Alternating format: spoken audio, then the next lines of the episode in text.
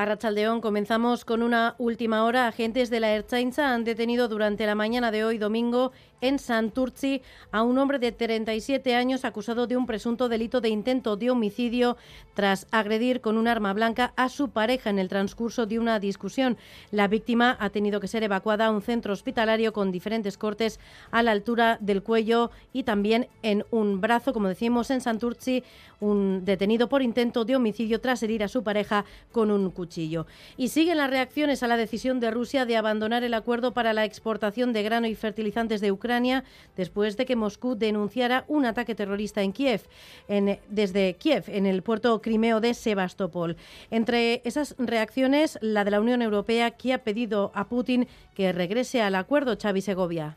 Sí, muchas reacciones a la decisión de Rusia de suspender el corredor del grano desde Crimea. Es la respuesta de Moscú al ataque que sufría la base naval de Sebastopol por drones y material acuático dirigido por expertos británicos. Los rusos aseguran que no pueden garantizar la seguridad de los barcos mercantes, algo que Ucrania ve como un falso pretexto. La Unión Europea, a través de su alto representante para Asuntos Exteriores, Josep Borrell, ha pedido a Moscú que revierta su decisión y restablezca la exportación de grano desde sus puertos. Naciones Unidas considera que es esencial mantener ese corredor para proporcionar ayuda alimentaria urgente a millones de personas. Desde Estados Unidos, su presidente Joe Biden calificaba de indignante la medida de Putin. Su secretario de Estado, Anthony Blinken, cree que Rusia está enviando el mensaje de que las personas y familias de todo el mundo deberán pagar más por estos alimentos. Con esta suspensión, Moscú vuelve a convertir, decía, los alimentos en armas, lo que afecta especialmente a los países de ingresos bajos y medianos. Y en Corea del Sur ya son 153 las personas que han muerto, 22 de ellas extranjeras, después de la estampida en una fiesta de Halloween en Seúl. Última hora con Susana Armenti a Rachaldeón. A Rachaldeón se cree que el incidente tuvo lugar tras una caída colectiva en un callejón de cuatro metros de ancho y en pendiente, lo que provocó una avalancha en cadena. Los testimonios recogidos reflejan pánico y angustia.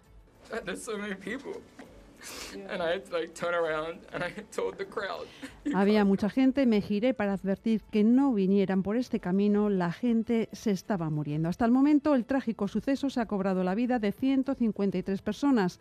Hay 22 extranjeros entre sus países de origen, China, Japón, Estados Unidos, Rusia, Noruega. El presidente del país ha decretado luto nacional.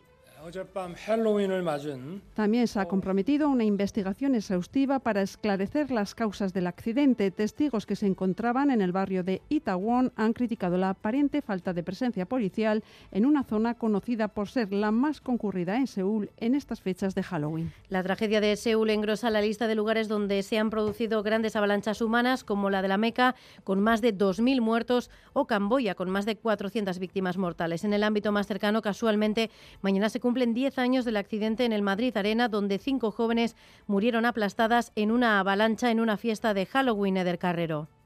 Una tragedia ocurrida en Madrid también en víspera del Día de Todos los Santos, en la que murieron por asfixia cinco chicas de entre 18 y 20 años.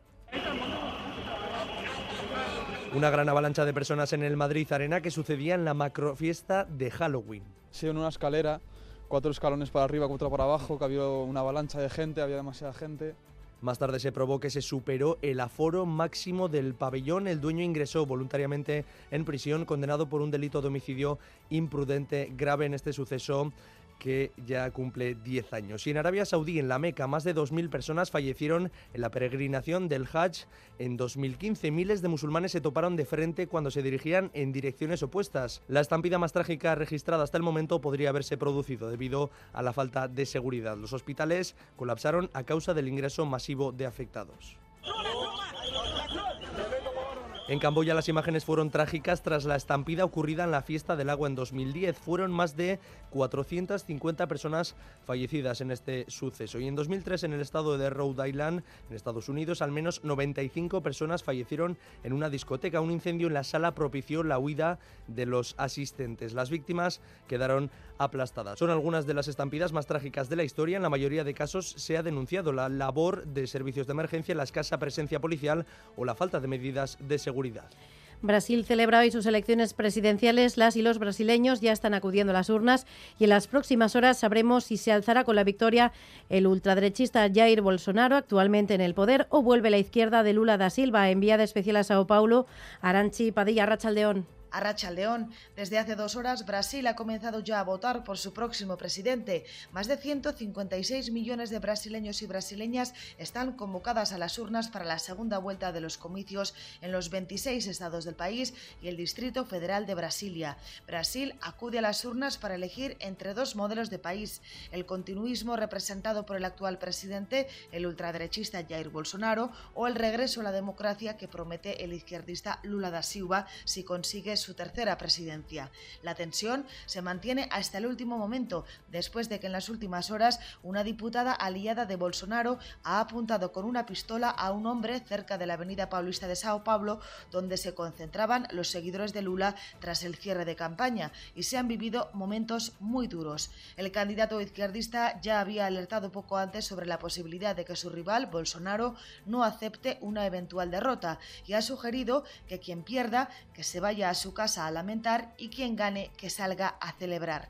Bolsonaro, que cerró campaña con una gran caravana de motos en Minas Gerais ante miles de seguidores, ha afirmado que acatará los resultados de estas elecciones.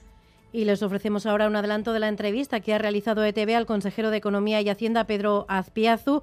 Asegura que Euskadi no cree que entre en recesión, pero en caso de que lo hiciera, la comunidad autónoma vasca está preparada, Xavi Segovia. El consejero de Hacienda, Pedro Aspiazu, cree que los 14.000 millones de presupuesto para el 2023 son necesarios ante la situación económica, social y sanitaria que vivimos. Su departamento prevé un crecimiento del 7,2% para este año y un incremento de la recaudación del 5,2% para el próximo.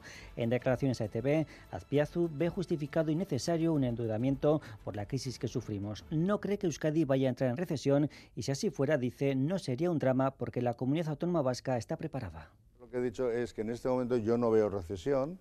Es verdad que están cambiando las previsiones del entorno, pero yo hoy no veo que vaya a entrar en recesión. Ahora bien, si entrar en recesión tampoco es que sea un, un drama. Estamos en una situación sólida como para salir de esta situación rápidamente. Unos presupuestos que cuentan con una mayoría absoluta, pero a los que gustaría sumar el apoyo de la oposición, a los que pide mayor voluntad.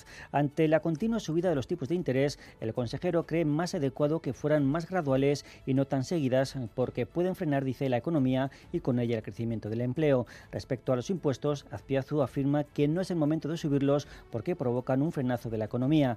Las decisiones tributarias hay que adoptarlas, concluya, en un contexto de tranquilidad. La europarlamentaria del PNV, Izaskun Bilbao, ha estado esta mañana en Crónica de Euskadi fin de semana, donde ha denunciado la politización que PP y PSOE están haciendo de la justicia, impidiendo la renovación del Consejo General del Poder Judicial.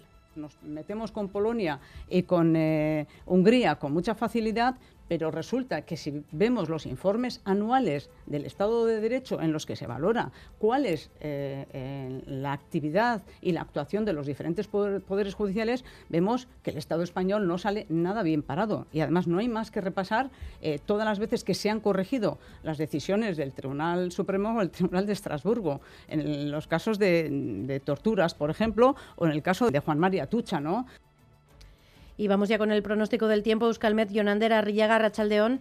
Caixo Arracha León, por la tarde el frente nos va a dejar lluvia que caerá en forma de chaparrones que pueden afectar a cualquier punto de territorio, pudiendo ser localmente intensos y acompañados de tormenta. Al final del día la lluvia remitirá y se abrirán claros. Además las temperaturas van a ser frescas y en general esta tarde no pasaremos de los 20 grados.